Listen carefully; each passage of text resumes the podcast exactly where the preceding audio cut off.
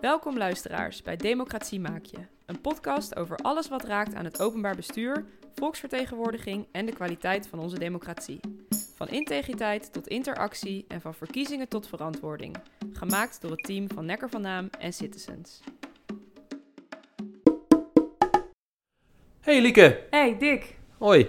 We gaan eh, vandaag naar de Bollenstreek geloof ik, toch? Ja, we gaan naar Hillegom. We gaan op bezoek bij Elma Hulspas, de Ah, gezellig. van Hillegom. Mooi. Ja, ook natuurlijk, zoals alle griffiers in onze reeks, een griffier van het eerste uur. Eh Elma die gaat binnenkort met pensioen, heb ik begrepen al. Ja, En de, de zoektocht naar haar opvolger is eh, in volle gang.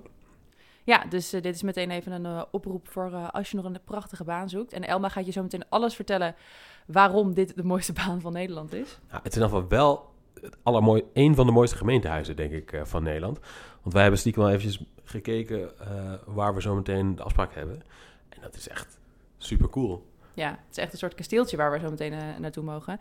En niet alleen het eh, gemeentehuis is een van de mooiste eh, huizen, gemeentehuizen waar we heen gaan. Ook de omgeving, want het ligt natuurlijk midden in de Bollenstreek en vlakbij de kust. Dus nou, ik, eh, ik heb er wel zin in op die manier. Nou, ik ben ook wel benieuwd. eh, zoals jij al weet, want dit hebben we natuurlijk opgezocht met z'n tweeën voordat we dit eh, gingen doen. Google is our friend. Precies. eh, is Elma een bioloog. Dus ik verwacht eigenlijk dat zij een hele andere kijk heeft op het, nou, de, de Griffie-wereld misschien dan andere mensen. Dus ik kan eigenlijk niet wachten om haar daarover te gaan ondervragen. Ja, ik ben heel benieuwd welke dierlijke trekjes er bij eh, de raadsleden te, herkennen zijn. zijn. Ja. Nou, we gaan er zo achter komen, denk ik. Staat jij de auto al vast? ja, Top. Daar gaan we. Bij deze een kleine disclaimer bij de podcast Democratie Maak Je. Voor deze eerste serie zijn we in gesprek gegaan met griffiers op verschillende locaties, zoals in raadzalen of in de statenzaal. Daarom zijn de geluidsopnames wisselend. Bijvoorbeeld voor wat betreft omgevingsgeluiden. Nou, Lieke, waar zijn we vandaag? We zijn vandaag in het eh, mooie Hillegom. Dik aan tafel bij eh, Elma Hulspas. Elma, welkom bij de podcast Democratie Maak Je. Dankjewel en jullie welkom in het Hof van Hillegom. Ja, wat een prachtige locatie. Fantastisch. Even voor de, voor de luisteraar. We zitten in een, eh, nou, een oude zaal met, neem ik aan, originele houten balken zichtbaar. Een enorme kroonluchter die volledig stofvrij is. En een zacht tikkende klok op de achtergrond waarvan ik hoop dat die zo meteen door mijn verhaal heen banjert. En ons een klein stukje Big Ben eh, brengt. Precies. Pas wel bij deze, bij deze uitzending, denk ik. Van Ja. vandaag. En eh, nou, vandaag spreek ik dus Elma Hulspas. Elma, je bent eh griffier sinds 2002 al. Dus eigenlijk eh, sinds het begin van de dualisering. Ehm, hoe ben je griffier geworden? Waarom ben je griffier geworden? Ja, dat heeft eigenlijk best een, eh, een geschiedenis. Eh, voordat ik griffier werd, ben ik 15 jaar lang raadslid en fractievoorzitter geweest in mijn woonplaats Noordwijkerhout. En dat heb ik met ontzettend veel inzet en energie en plezier ook gedaan. Maar ik liep toen wel aan tegen ja, het monistische systeem waarin ik toen moest functioneren. En ik merkte dat je eigenlijk als raadslid iemand als een griffier mist. Ik kon dat toen niet benoemen onder de Mhm. titel griffier. Maar ik had wel heel erg graag iemand gehad als een griffier. Die met mij mee kon denken. Die niet gelijk, hè, als, je, als ik naar de ambtelijke organisatie toe ging, dan kreeg ik het verhaal van het college te horen. Ja. En als ik dan zei, maar ja, ik wil niet eh, linksaf, ik ga liever rechtsaf, denk eens met mij mee. Dan gebeurde het zelden dat een ambtenaar zich vrij voelde om dat ook te doen. Ja. En dat was gewoon heel naar. Dus ik heb altijd gedacht dat dat. En toen is eh, die hele dualiseringsoperatie eh, in gang gezet. Mhm. En dat vond ik dus reuze boeiend. En toen ons de rivier hebben. En toen wist ik wat ik wou gaan doen. Leuk. Ja, Eh, maar waar kwam je vandaan? Wat, wat deed je daarvoor? Naast, naast fractievoorzitter? ja ook dat is wel een beetje een, een, een ap- aparte carrière die ik denk gemaakt heb. Eh, ik ben begonnen als bioloog. Oh, Ja, dat Dat hoor je niet vaak. dat is heel wat anders. Ja, Ja. ja. Ook heel erg leuk. Ja, ja, ja, Ja. absoluut. Ja. Ik, eh, ik heb veel eh, eh, nou, uiteenlopende carrièrepaden gehoord. Ik heb, een, ik heb een collega die, die heeft Japans gestudeerd. Maar de, bioloog heb ik dan nog niet zo vaak eh, gehoord. Die dan eh, in de gemeentelijke politiek terecht is gekomen. Prima vooropleiding voor de politiek. Nee, maakt eigenlijk niet uit. Weet je, ik, ik denk, en als het nou gaat om iets te bieden aan jonge mensen, waar jullie dan eh, eigenlijk voor bezig zijn. is dat wel een algemene levensles, denk ik. Bijna alles is leuk als je je daar maar voor inzet. Als het je interesse heeft en je gaat ervoor, dan worden bijna alle dingen gewoon hartstikke leuk om te doen. Dus bioloog zijn is heel leuk. Eh, het probleem waar ik toen mee geconfronteerd werd, was dat ik op een gegeven moment, eh, dat wij een gezin wilden. En het in die periode, ik praat nou over het begin tachtiger jaren, Mhm. parttime eh, werken als, als onderzoeker, dat was geen optie. Ja. En toen heb ik de keuze moeten maken van wat ga ik doen? Eh, ga ik iets in het onderwijs voor een aantal uren erbij? Of, nou, dat trok mij niet. Uiteindelijk, om het kort te, eh, te maken, ben ik eh, gestopt als bioloog. Ben ik eventjes fulltime moeder geworden. Maar daarnaast was ik nog wel raadslid. En mijn blik op de wereld was dus via het raadslidmaatschap, hield ik de vensters open. En dat ben ik blijven doen. Maar ja, toen mijn kinderen wat ouder werden en ik dus weer terug wilde de arbeidsmarkt op, eh, dacht ik van ja, wat ga ik nou doen? Dan ben je te lang uit het wetenschappelijk onderzoek om daar weer in terug te kunnen komen. Toen dacht ik, dan ga ik meer de bestuurlijke kant op. En zo ben ik via een aantal stappen in deze functie terechtgekomen. En heb je nou nog iets gehad in, aan je bioloog zijn in je griffiersfunctie? Eh, ik denk eigenlijk wel. Ik was eh, gespecialiseerd als ecoloog en etoloog, dus een gedragskundige. Ah, En dat maakt dat je wel leert kijken. ja. Eh, en soms is een raad ook wel een halve dierentuin. is- Som? nee. Ja, ik wilde net een vergelijking maken met een, de klas waar, waar niet voor gekozen was. Eh, Maar Oh, ja. dit is misschien wel beter. Ja. Nou, dat, dat, dat zit er ook wel een beetje in eigenlijk. Het, het, eh, ja, soms misschien bij mij wel een beetje te veel willen eh, doseren. Mhm. Eh, dat je docent wil zijn, dat je mensen wat wil meegeven. Eh, maar je, je leert observeren en dat is ook heel handig als griffier. Dat je ziet gebeuren in een vergadering wat je nog niet hoort. Ja, precies. Dat kan me wel voorstellen dat dat inderdaad iets is wat je, wat je meeneemt. Want vaak broeit er al heel veel voordat het echt naar boven komt in zo'n raad. Of als het een beetje een spannende raadsvergadering is, dan kan je soms al een beetje aan de gezichten aflezen wat er gaat gebeuren. En als je dan ja, daar op een andere manier inderdaad heel veel ervaring mee hebt, dan kan ik me best voorstellen dat het inderdaad super nuttig is. Dat denk ik ook wel. Dat is leuk. Ja. Ja. Ja, En zie je dan ook wel eens een gelijkenis tussen dat je denkt, oh ja, zo gedragen sommige dieren zich ook? dat heb ik voortdurend maar niet alleen in de raad, maar voortdurend als je naar mensen kijkt. Ja, we zijn toch ook gewoon dieren. dat is ook zo. En, en je, je herkent dus al dit soort trekjes. Ja, heel goed. Ik had het een heel politiek correct antwoord verwacht, maar ik, had, ik vind het dan wel weer leuk dat je er volop in gaat. Maar dan zat je in Noordwijkerhout, dat is een buurtgemeente hier. Ehm, is het dan niet eh, vloeken in de kerk om in Hillegom griffier te worden? Nee. Ja, heel natuurlijk. Nee, nee, nee, nee. Dat maakt er niet uit. Nee hoor, we zijn eh, ja, buren. Niet hele eh, dikke vrienden in die zin van dat, dat we net zo goed wel hadden kunnen fuseren of zo. Er is Mhm. altijd wel een gevoel geweest in Noordwijkerhout van, nou, Hillegom. Hmm. Eh, ja, een Ja, manier. vandaar mijn vraag. Ja, maar dat was wel vreemd, want het- als je dan zelf meer bij Hillegom betrokken raakt, dan merk je ook dat dat helemaal nergens op gestoeld is. Mhm. Toch een gevoel wat misschien van oudsher tussen die dorpen Ja. ontstaan is. Maar nee hoor, geen enkel probleem. En ik vind het heerlijk omdat ik enerzijds heel erg lekker dicht bij mijn werk woon. En anderzijds geen belangen in Hillegom heb. Ik, Ja. ik heb geen clubjes of, of andere belangen hier die mij zouden kunnen belemmeren in mijn onafhankelijk uitvoeren van mijn baan hier. Ja. Maar ben je ook nog, was je nog raadslid toen je al G4 werd? Nee, nee, nee, Nee? ik was al lang gestopt. Want, Want, ik ben tot 97 raadslid geweest en in 2002 werd ik griffier. ja, want hoe zie je dat dan? Want er zijn best wel eh griffiers die zeggen... als je eh griffier bent, dan mag je niet politiek actief zijn. Nou, Er zijn ook een paar die juist heel erg... precies. Er zijn ook een paar die Ja. juist heel erg politiek actief zijn. Dus ik was wel benieuwd naar jouw mening hier, daarover. Ik zou het geen bezwaar vinden. Je moet kijken hoe je raad er tegenaan kijkt. Mhm. Maar het gaat er natuurlijk maar om of jij je onafhankelijk kunt opstellen in je functie als griffier. Ja. En ik, ik ben, ze weten van mij natuurlijk wat mijn politieke kleur is. Die is duidelijk, maar daar zal niemand wat van merken in mijn functie als griffier. Nee, Nee. precies. Ja, nee, want ik, ik heb dat zelf natuurlijk ook. Ik ben zelf ook, als ik ergens op een griffie zit, dan weet de griffie eh, en de raad weet wat mijn politieke kleur is. Maar ik vind het dan inderdaad ook juist de kunst om daar dan eh, dat niet te blijken te geven. Ik bedoel, als je het googelt en het vindt en je dan weet, dan is het goed. Maar het moet niet af te lezen zijn aan mijn gedrag als griffier. Nee, precies. Ja. Nou, voor, de, voor de nieuwe luisteraar, Lieke, die is eh, statenlid in Utrecht. Vandaar dat ze dat zegt. Ja. Ja, dus dat brengt ook wel een andere eh, dynamiek met zich mee als je op een griffie komt. Nee, en je moet er ook niet krampachtig over Nee. doen, denk ik. Want dan zou je nog je eigen, tussen aanhalingstekens, factie misschien benadelen. Doordat je krampachtig Ja. niet eh, eh, met hen bezig bent. Nee, ik, ik ben gewoon helemaal niet met mijn eigen politieke kleur bezig als ik hier eh, werk. Nee, en dat vind ik ook wel het mooie aan het griffiersvak. Dat je ook niet... je- Dat is, je je bent er echt letterlijk niet mee bezig. Want je bent bezig met alles organiseren voor iedereen in de raad. Ja. Dus ehm, het is letterlijk iets wat niet eens... Ik denk niet eens na over mijn eigen statenwerk als ik eh, als griffier Nee, werk, dat klopt. zeg maar. Ja, en andersom dus ook. Ja. Ja. Nee, het, het is ook juist het leuke, vind ik, van het rivierschap.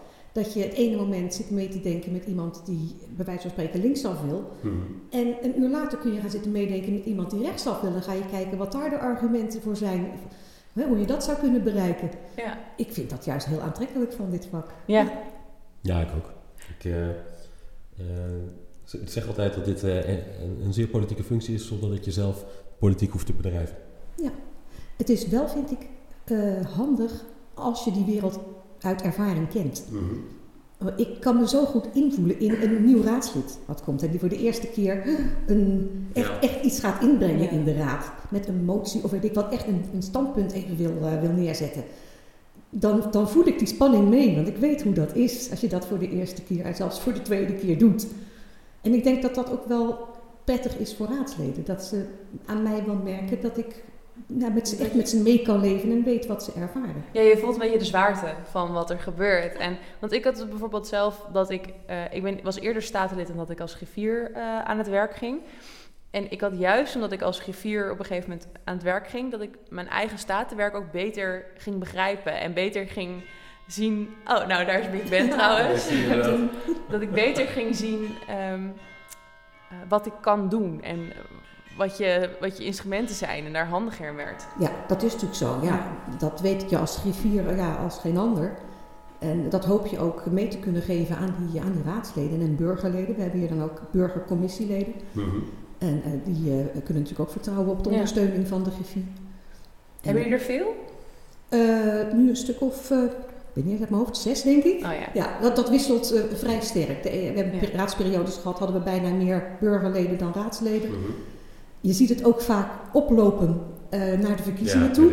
Ja. Dat herkennen jullie waarschijnlijk ook wel, want dan ja, zijn er toch Zeker. mensen die ja, wel wat belangstelling hebben, wel eens willen proeven of het wat voor hun zou zijn om in de raad te gaan zitten. Ja. Nou, daar is zo'n burgerlidmaatschap een hele mooie manier voor. Nou, eh, je begon er net al een beetje over. Maar ons, nou, het doel van deze podcast is eigenlijk eh, lessen voor mensen die eh, nou, nieuw zijn in het, in het griffievak. Heb jij heb je tips eh, allemaal voor, nou, voor de beginnende griffier? Ja, er zijn er waarschijnlijk heel veel te geven, maar Nou, zo bij jou. Wat in elk geval van belang is natuurlijk is dat je eh, goed aandacht hebt voor je relaties in je, in je werk. Je bent als griffier een eenpitter. En eh, dat is best lastig. Dat is, dat is soms echt gewoon moeilijk. Je moet dus zorgen dat je in je contacten met bijvoorbeeld de burgemeester en de gemeentesecretaris, in die driehoek, dat dat goed loopt. Dat je op elkaar kunt vertrouwen, dat je, dat, dat een, een, een soepel samenwerkingsverband is. Dat is heel erg belangrijk om als griffier je werk goed te kunnen doen. Wat bedoel je met dat je eh, een eenpitter bent? Nou ja, je bent als griffier eigenlijk eh, het hoofd van een hele kleine ambtelijke organisatie. Hè? Mhm. Je hebt je eigen ambtelijke organisatie. In mijn geval van drie mensen. Ja. En bij elkaar hebben we net twee FTE aan, aan uren. Dus dat is een heel klein clubje. Maar dat is wel een zelfstandig clubje. Wij vallen niet onder de gemeentesecretaris. Niet, eh, het burgemeester of college heeft geen bevoegdheden naar ons toe. Ik ben de baas, zal ik maar zeggen. Ja, de, Ja. Raad, de raad is de baas. Maar Ja. die zit er niet elke dag bij natuurlijk om, eh, om even mee te sparren. Nee. Dus het is in die zin een beetje, eh, ja, eenzaam klinkt een beetje heel zielig, maar het is wel een soort eenzame positie waarin je zit. Het is dus belangrijk dat je je contacten hebt. Ik weet nog dat ik net benoemd was en Hillegon was een van de eerste die een griffier benoemde in Nederland. En toen ben ik gelijk gaan rondbellen in de omgeving bij gemeenten. Hebben jullie al een griffier? En toen bleken dus een paar in de omgeving te zijn. Die hadden een G4 eh, benoemd. Of, of, iemand die dan even tijdelijk dat ging doen. En ik ben gelijk een clubje gaan uh, bijeenroepen. Van jongens, Oh, wij moeten nu eh, ja, iets nieuws opbouwen. Wielen uitvinden. Had je de primeur van de eerste grifierskring? Nou, of het helemaal het eerste G4-springetje was, weet ik niet. Maar het zal zeker een van de eerste zijn Dat is geweest. wel leuk. Ja. Ja. En eh, dat was toen eerst nog een, eh een mollenstreekclubje, wat ik zo om, om me heen had verzameld, zeg maar. Eh, op een gegeven moment is een, zijn een paar mensen uit de Leidse regio bij ons mee gaan doen. Aanvankelijk draaide die kring daar niet zo lekker. En toen zijn de mensen bij ons cl- clubje mee gaan doen. En dat beviel goed. Toen dacht ik, nou, dan breiden we gewoon onze kring uit. En inmiddels hebben wij nu een kring op de schaal Holland-Rijnland. Dat is ook een eh, samenwerkingsverband hier in de regio. Nou ja. En daar zitten dan 13 eh, gemeenten in. En, en wat bespreek je dan zoal in de kring? Want wij hebben bijvoorbeeld eh, vanuit de Necker dan hebben we de Necker Academy. Dus dan komt iedereen die intrimt op een griffie of tegen een griffie aan. Want we hebben ook een bestuursadviseur hier en daar. Ehm, komt terug en dan gaan we met elkaar delen wat we, waar we tegenaan lopen, wat we meemaken. Moet ik me daar ook zoiets bij voorstellen? Dat gebeurt ook. En in het begin was dat vooral de functie. eh, Mhm. hè, het, Ja. het, het met elkaar eventjes je, je, je sores delen en ook je, eh, ja, je, je producten, zeg maar. Dus heb jij al een verordening, huppel de pup? Oh, mag ik die van jou lenen? Weet je? Want ik moet dat nog gaan maken en ik heb geen idee. Nou, en zo ging dat dan in het begin. En Dat, dat stadium zijn we natuurlijk wel voorbij. Ja. Eh, maar het is nog steeds wel zo dat je in vertrouwelijkheid van de, van de eigen kring ook wel eens problemen kunt delen. Van joh, ik zit met een conflict met hè, een fractievoorzitter, een wethouder. ja. En eh, nou, hebben jullie advies voor mij? Wat, hoe zouden Ja. jullie het aanpakken? Dat soort dingen gebeurt zeker ook. Maar daarnaast eh, hebben we het ook met elkaar over de wat meer regionale processen. Er speelt op dit moment ontzettend veel regionaal. Zeker. Denk aan regionale energiestrategieën waar we allemaal eh, druk mee zijn. Daarnaast zijn hier in deze regio eh, ruimtelijke strategieën in de maak. Eh, de transitievisie warmte die op een grotere schaal dan de gemeente speelt. Dus er zijn heel veel grotere eh, trajecten eigenlijk Ja. gaande. En we proberen met elkaar af te stemmen en de positie van onze raden zo goed mogelijk in die eh, trajecten te krijgen. Ja, want ik kan me best voorstellen inderdaad dat dat, dat soort trajecten, dat het ook echt als een, voor een griffie is dat ook een uitdaging. Want je hebt te maken met de provincie die met een soort overlappend stuk komt en die dat eigenlijk gewoon, nou ja, oneerbiedig gezegd, een beetje neergooit en zegt succes ermee. En dan moet je als, als gemeente moet je dat oppakken. Wat ga je met die rest doen? Wat ga je, hoe ga je die omgevingsvisie, hoe ga je daarmee aan de slag? En dat zijn echt wel een beetje de grote vraagstukken, denk ik, van deze periodes. Ehm, deze periode, eh, waar je dan als griffie mee te dealen hebt. Ja, nee, dat is zeker zo. De, kwalificatie naar de provincie laat ik graag voor jou. Maar eh, het zijn inderdaad grote processen waar je als, als gemeente een klein radertje in het geheel bent. En eh, ja, waar je toch probeert als griffier om de invloed van jouw raad zo groot mogelijk te maken. Ja. Maar het, het is ingewikkeld. Het is echt ingewikkeld om dat goed voor elkaar te krijgen. Ja. Ook uitdagend en, en leuk, toch? Ja. Zeker, ja, Ja. natuurlijk. Ja. En heb je verder dingen waarvan je zegt van nou, misschien eh, en dat je als jonge vier daar... ja, misschien iets waarvan je dacht, als, oh, als ik dat had geweten aan het begin, dat, was, dat had me echt gescheeld of dat had me geholpen. Oh, dat vind ik een hele lastige. Dat heb ik geloof ik niet echt. Nee, ik denk dat, dat het goed is om... eh, Kijk, toen, toen ik begon, wist nog niemand wat je van een griffier zou moeten verwachten. Dus eigenlijk Mhm. was zo'n beetje alles wat je deed wel goed. Dat- ja, maar ja, weet je, eh, toen ik... eh, ik- ik herinner me goed nog dat ik het sollicitatiegesprek hier had en... Ik geloof dat de vacature toen 16 of 18 uur was. Het was echt een heel klein baantje. En toen heb ik ook gezegd tegen die sollicitatiecommissie van nou, eh, ik weet niet wat jullie precies voor ogen staat voor dat gevierschap, maar wat ik voor ogen heb, dat kan niet in 18 uur. Dus als je met mij in zee gaat, dan kom ik waarschijnlijk binnen het jaar wel met eh, de vraag om meer uren. Weet dat Ja. alvast even. Ja. Eh, nou ja, dat eh, hebben ze ook geweten, want dat, zo gebeurde het ook. Eh, ze hebben dat risico genomen en ik kwam natuurlijk na een tijdje met ja, maar ik zou nog dat en ik zou nog dat voor jullie kunnen doen. Dus in het begin was dat eigenlijk niet zo lastig. Er was nog niet een goed beeld van wat men Nee, moest precies. wachten. Nu is dat er wel veel meer. En ik denk als je nu begint als griffier, ja, dan kan het best wel lastig zijn om dat gelijk waar te maken. Ja, dat, dat duurt eventjes. Heb daar gewoon geduld voor.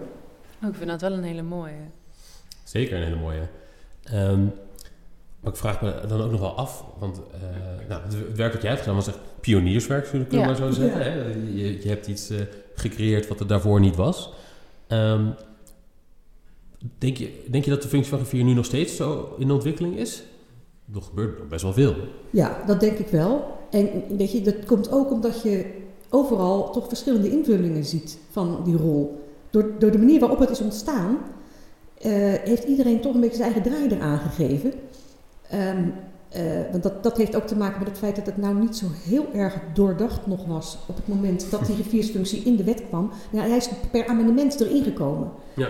En ja, dat zijn dan van die dingen die zeg maar, op het laatste moment dan erin komen. Aanvankelijk was het zo dat elke gemeente mocht een eigen adviseur, ondersteuner voor de raad aanstellen.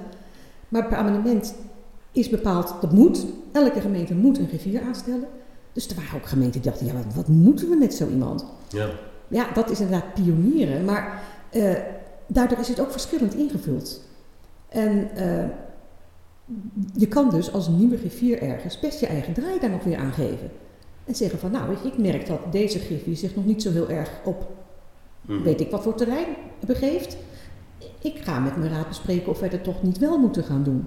Ja, leuk. Ja. Ik moet zeggen dat die vrijheid, dat is ook hetgene wat mij zo interesseert in dit, uh, in dit vak. Je, ziet dat uh, nou, elke griffier geeft zijn eigen invulling. Ja. Uh, of misschien moet ik anders zeggen, elke griffier krijgt van de raad een andere invulling. en dat kan ook het is een wisselwerking, hè? Het is een wisselwerking. Ja, Je, je, gooit wel eens iets in de groep en dan kijk je, nou, wat vinden ze dat wat nou? Als zij iets wel of niet willen, dan voegen wij ons daarnaar. Maar natuurlijk opper je wel eens iets. Als je denkt, nou, daar zouden ze gebaat bij zijn als wij dat, dat ook gingen doen nou. Ja, precies. En die verhoudingen die veranderen ook elke vier jaar. Ja. Met een nieuwe raad krijg je weer nieuwe verhoudingen. En dat is natuurlijk ook wat het werk zo dynamisch maakt. Ja. Heb je uh, ideeën hoe je die verhoudingen met de raad zo uh, nou, optimaal mogelijk kan laten zijn? Of ervaren? Ja, dat zal ook heel erg van je raad afhangen. Ja. Weet je, ik merk dat er heel veel verschil is in behoeftes vanuit fracties. Er zijn fracties die vrijwel nooit een beroep op de Griffie doen. Mm -hmm. Of omdat ze denken, nou, ik kan het zelf wel. Of dat ze misschien wat minder actief zijn, zelf, dus meer reactief. En dan hebben ze niet zoveel eh, misschien nodig van die griffie. Dus dat is heel verschillend. Uh, dus er zijn fracties waar ik vrij vaak contact mee heb. En waarvan ik weet, die vinden het prettig als, als je even wat meer uitlegbedingen geeft. Hè? Mhm. En anderen die hebben, hebben, daar weer geen behoefte aan. Dus wees vooral uh, wat dat betreft een beetje, ja, ga op je gevoel af van wat, wat hebben ze nodig. Mensen vinden het ook niet fijn als je je constant opdringt aan een fractie. Als ze eigenlijk vinden dat ze het wel goed zonder jou kunnen. Dus je bent dienstbaar, dat vind ik belangrijk. Dit gesprek over uh, de verhouding tussen de Raad en de Griffie is eigenlijk wel een mooi bruggetje naar onze uh, wekelijks uh, nou, programma. De Nekker Noodlijn, ja. Elke week hebben we iemand uit het, uit het veld met een prangende vraag. En deze week gaat hij uh, over uh, raadsprogramma's. Goedemiddag, met Hans. Um, ik had een vraagje. Wij zijn uh, met de Griffie al met de schuine oog aan het kijken naar de gemeenteraadsverkiezingen van volgend jaar in maart. Wij zijn er alle, alle opties aan het verkennen en willen daar graag goed voorbereid ja, ten tafel komen, ook voor de raadsleden. Nu zitten we ook te kijken naar de optie voor een raadsprogramma. We hebben er enkele vragen over gekregen van raadsfracties. En uh, nou, vorige keer speelde dat ook hier in de gemeente, maar is uiteindelijk niet doorgegaan. Um, ja, kun je mij uh, daar advies over geven of misschien wat tips hoe daarmee om te gaan? Welke rol de Griffie heeft en uh, hoe we dat aanvliegen? En ja, misschien wat best practices. Dankjewel. Een interessante vraag. Hoe ga je daarmee om als griffier? Ja, ik heb eigenlijk geen idee. Alma. Nou ja, ik heb daar wel een idee over. Uh, mijn advies zou eigenlijk zijn: doe het niet. Um, en dat heeft alles te maken met die dualisering, hè, waardoor ik zo enthousiast voor deze rol ben. Die dualiseringsoperatie is uh, opgestart, is, is in gang gezet om de raad meer uh, politiek te laten bedrijven. De raad was al te veel het aanhangsel van het college. Mm -hmm.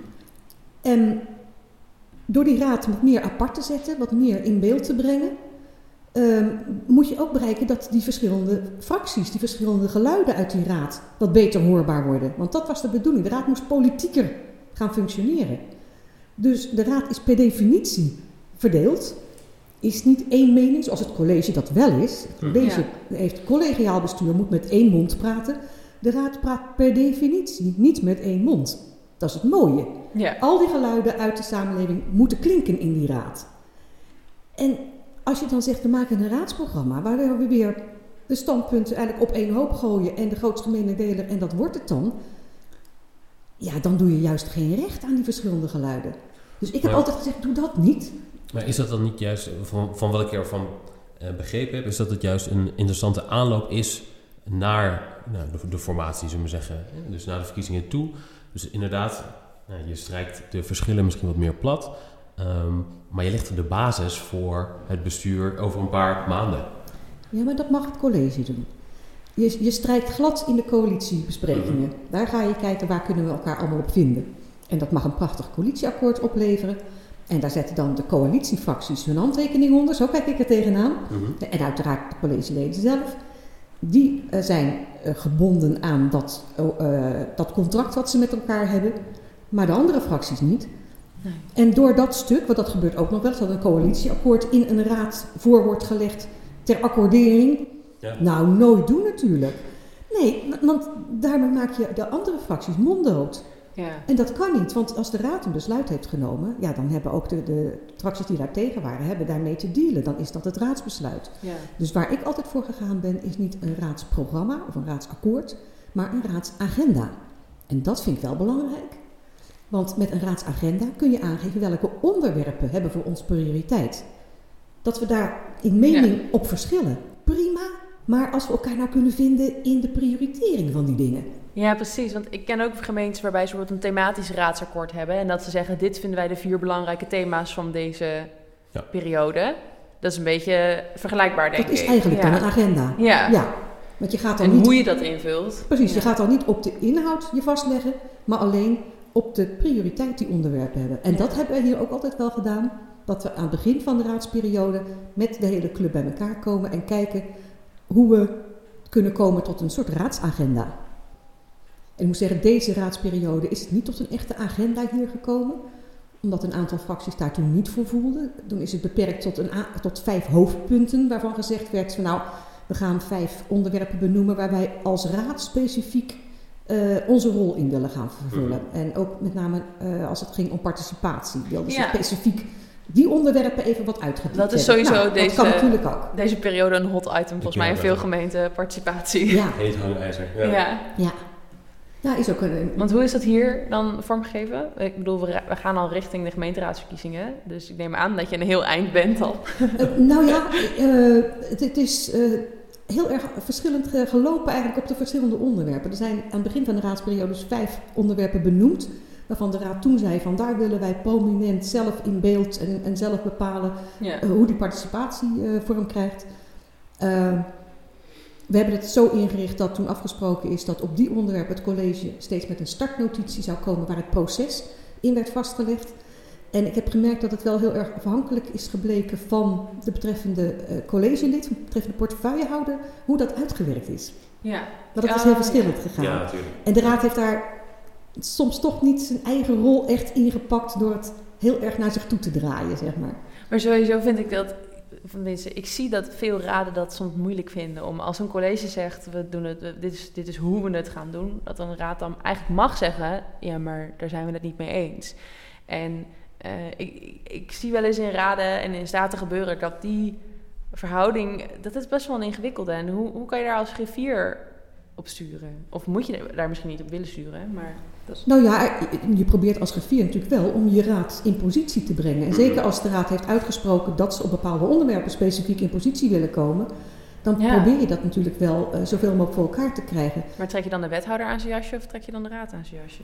Nou, dan probeer je dat het proces zo ingericht wordt dat de raad de gelegenheid krijgt om dat zelf goed te doen. En dat hebben we wel gedaan. We hebben dus gezegd, oké, er moeten startnotities komen op die en die onderwerpen. Ja. Eh, maar ja, dan is het aan de raad natuurlijk wel om, als er dan een stuk ligt, te zeggen van ja, maar dit vinden we niet goed genoeg en daar willen we zus en willen we zo. Nou, dat heeft de raad eh, op het ene onderwerp wel, maar op het andere niet gedaan. Nee. Daar hebben ze dus ja, wat laten liggen. Kennelijk eh, de urgentie op dat moment niet meer zo gevoeld. Mhm. dan vind ik het niet aan mij om te zeggen, ja, maar jullie moesten toch... en dan een beetje zitten Ja, douwen. Dat, dat is Nee, mijn rol niet. Nee. Prioriteiten kunnen natuurlijk ook ver- verschillen Ja. en veranderen door de jaren heen. Ja. Zeker. Ja, en soms gebeurt het ook wel eens dat je het gewoon een keer eens bent met wat het college doet. Tuurlijk. Niet vaak, maar soms. Er gebeurt vaak genoeg gelukkig in Hillegom Natuurlijk. hoor. Ja. betreft, eh, ja, natuurlijk. En ik ik moet zeggen, uh, we hebben ook in, in onze burgemeester iemand die binnen het college wel heel goed ook de positie van de raad in de gaten houdt. Dat is wel fijn. Ook Ja. heel fijn. Ja. Want dat- ik snap dat, dat elke wethouder zit natuurlijk toch voor zijn eigen portefeuille vooral. En, en ja, eh, lekker, eh, lekker doorjassen zou ik maar zeggen soms. maar eh, ja, we hebben wel een burgemeester die ook echt kijkt van... hé, hey, eh, is de, de rol van de raad hier voldoende uit, de- uit het werf gekomen? Dat is wel fijn, want dat is in sommige gemeenten ook wel anders. Er zijn ook wel eh, burgemeesters die daar niet zo'n oog voor hebben. Ja, dat zal best. Ja. Ik, heb, ik prijs mij gelukkig met, Ja. eh, met mijn Nou, burgemeester. dat grijpt dan ook natuurlijk ook weer terug op wat je eerder zei. Dat je moet investeren in, je, in, in de driehoek. En dat heb je dan nu eh, Ja, ook gedaan. Dat werft ze Ja. af. Precies. Nou, dat denk ik ook. Want onze burgemeester is denk ik ook gegroeid in die rol in zijn tijd dat hij hier zit. En daar heb ik eh, toch een klein steentje aan bij mogen dragen, denk ik. Ja, we zitten hier eh, mede omdat eh, je, je bent vier van het eerste uur. Dus je, je zit hier al vrij lang. En ehm, het gaat eindigen hier in Hillegom binnenkort. Ik geloof dat, dat je, nou niet jij, maar dat de gemeente druk op zoek is naar je opvolger. Ja. Ehm, wat hoop je na te laten hier in, in Hillegom? Nalaten. Ik echt- klinkt Het klinkt heel, Ja, klinkt heel dramatisch, maar wat is misschien Nee, wel hetgeen ja, wat echt van jou hier is? Daar ben je het meest trots op. Ja. Ja, ik, ik ben daar eigenlijk niet zo heel erg mee bezig. Maar eh, je, hoopt, eh, je hoopt dat eh, eh, de raad, ook als ik weg ben, zijn eigen positie goed in de gaten houdt. En dat er Mhm. dan weer iemand is die dat ook namens hen probeert te bewaken. Want dat is toch wel het belangrijkste aspect, vind ik, van, van mijn rol. Kijk, dat die stukken op tijd geleverd worden en, en weet ik wat allemaal. Dat is ook belangrijk en dat is natuurlijk wel core business ook, laten we wel wezen. Uh, maar het, het in de gaten houden van de positie van de raad. Hè, uh, het, het, reageren op voorstellen waarbij je denkt van ja maar ho eventjes. Uh, daar, daar, hier gaat de raad over. Maar soms ook andersom. Van jongens, val de raad hier niet mee lastig. Mhm. Doe dat Ja. even zelf.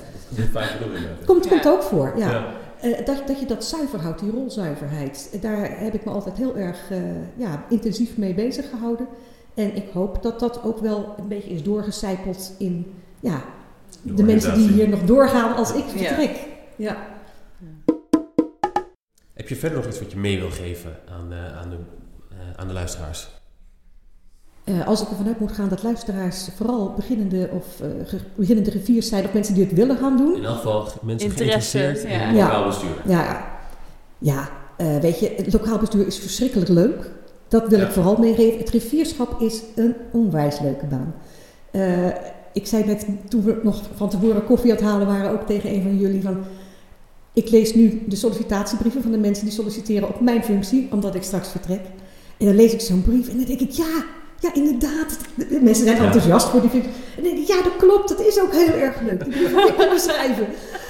En dat is zo leuk dat ik na Ik wou 19 dat we hier jaar... een foto van hadden gemaakt, uh, Elma, want je zit zo vol blijdschap te vertellen. Ja. Echt heel mooi om te zien. Het, het, is echt een ontzettend leuke baan, jongens. En ik vind het dan heel leuk om in een kleine gemeente werkzaam te zijn. Dat is ook een van de redenen waarom ik zo lang hier gebleven ben. Mm -hmm. Want je gaat natuurlijk toch, ja, na een paar jaar ga je denken, nou, wat ga ik nou eens doen? Want dat Ja. zit een beetje in het systeem, hè. Na een paar jaar zou je moeten verkassen. En toen dacht ik, ja, wat vind ik nou nog leuker? Nou, ik, ik, het hele managementgedoe, dat ligt mij niet zo. Dus ik wil geen grote riffie waar ik dan een hoop van dat soort zorgers van heb. Ik ga niet naar een grote gemeente. Ik denk, ja, wat zal ik toch verhuizen? Waarom zou ik het doen? Ik, ik heb het hier ontzettend naar mijn zin. En je bent met, met alles bezig wat een griffie aangaat. Want ja, we zijn met zo'n klein clubje dat we eigenlijk al, alle drie elkaar moeten kunnen vervangen. En ook allerlei dingetjes moeten kunnen doen. De omgeving, zeg maar je, je uh, omgeving qua raadsleden, collegeleden, die verandert vanzelf eens in de zoveel tijd. Ja. Komt er weer nieuwe mensen binnen, leuk, nieuwe uitdagingen. Dus dat is geen reden om te vertrekken. Dus ja, het is gewoon, gewoon hartstikke leuk om, uh, om te doen. Het is heel leuk werk. Het openbaar bestuur is echt veel leuker dan veel mensen denken. Er komt zoveel bij kijken. En ik, ik spreek regelmatig met de collega's uit de ambtelijke organisatie die dan uit het bedrijfsleven komen. Mm. En, en zo verbaasd zijn dat het, dat het zo leuk is om bij een gemeente te werken. dat ik denk, ah, je had het veel eerder moeten doen. Ja. Ja, dus dat kan ik je zeker meegeven. Het is een, een dynamische wereld, hoewel dat naar buiten toe vaak niet zo lijkt. Maar er gebeurt heel veel. Het is ontzettend leuk om te doen. En het is belangrijk werk. Ik vind het heel belangrijk om ja, je rol te spelen in onze democratie. We hebben net de, de Kamerverkiezingen gehad. Allemaal van die belangrijke dingen. Daar ben je een, een radertje in. Om, om dat hele democratisch proces goed te laten lopen. Dat is mooi en ik ben er ook gewoon ja, dankbaar voor dat ik dat zo lang heb mogen doen. Wauw, wat een prachtig pleidooi voor een prachtig vak.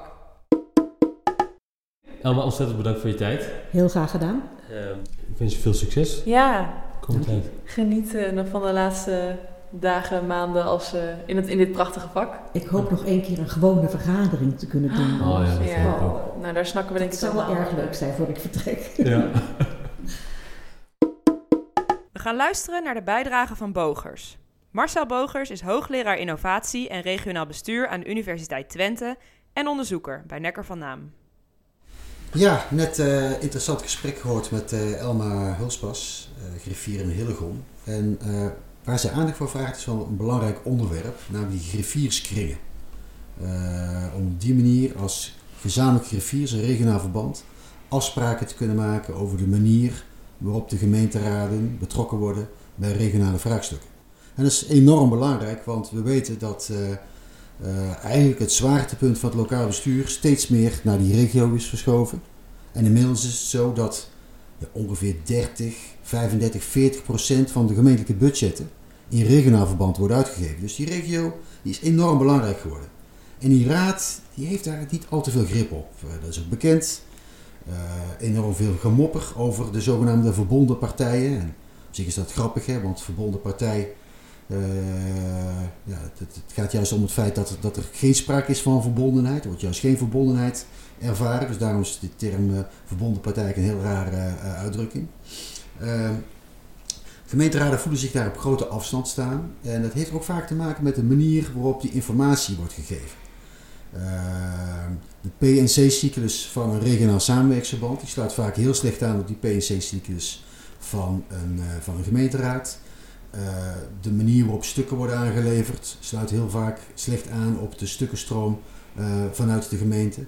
Eh, en wat je ook vaak ziet is dat de, de besluitvorming en het moment waarop de besluiten worden genomen en aan gemeenteraden om inbreng wordt gevraagd, vaak niet echt synchroon loopt.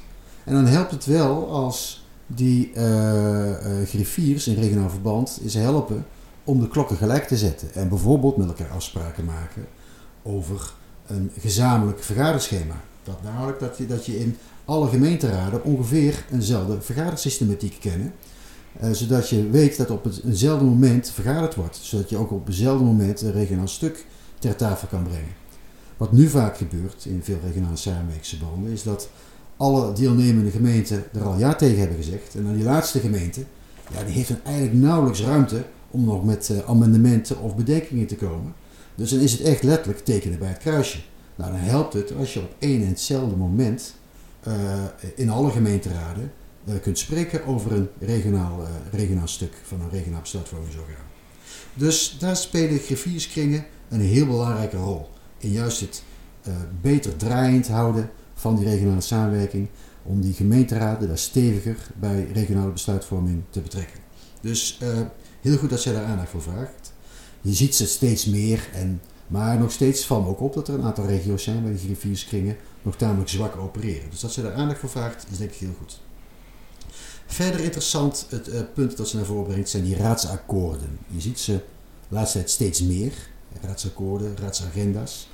Eh, ook uit nood geboren, eh, met enorm versnipperde gemeenteraden is het heel lastig om een werkbare meerderheid te vormen.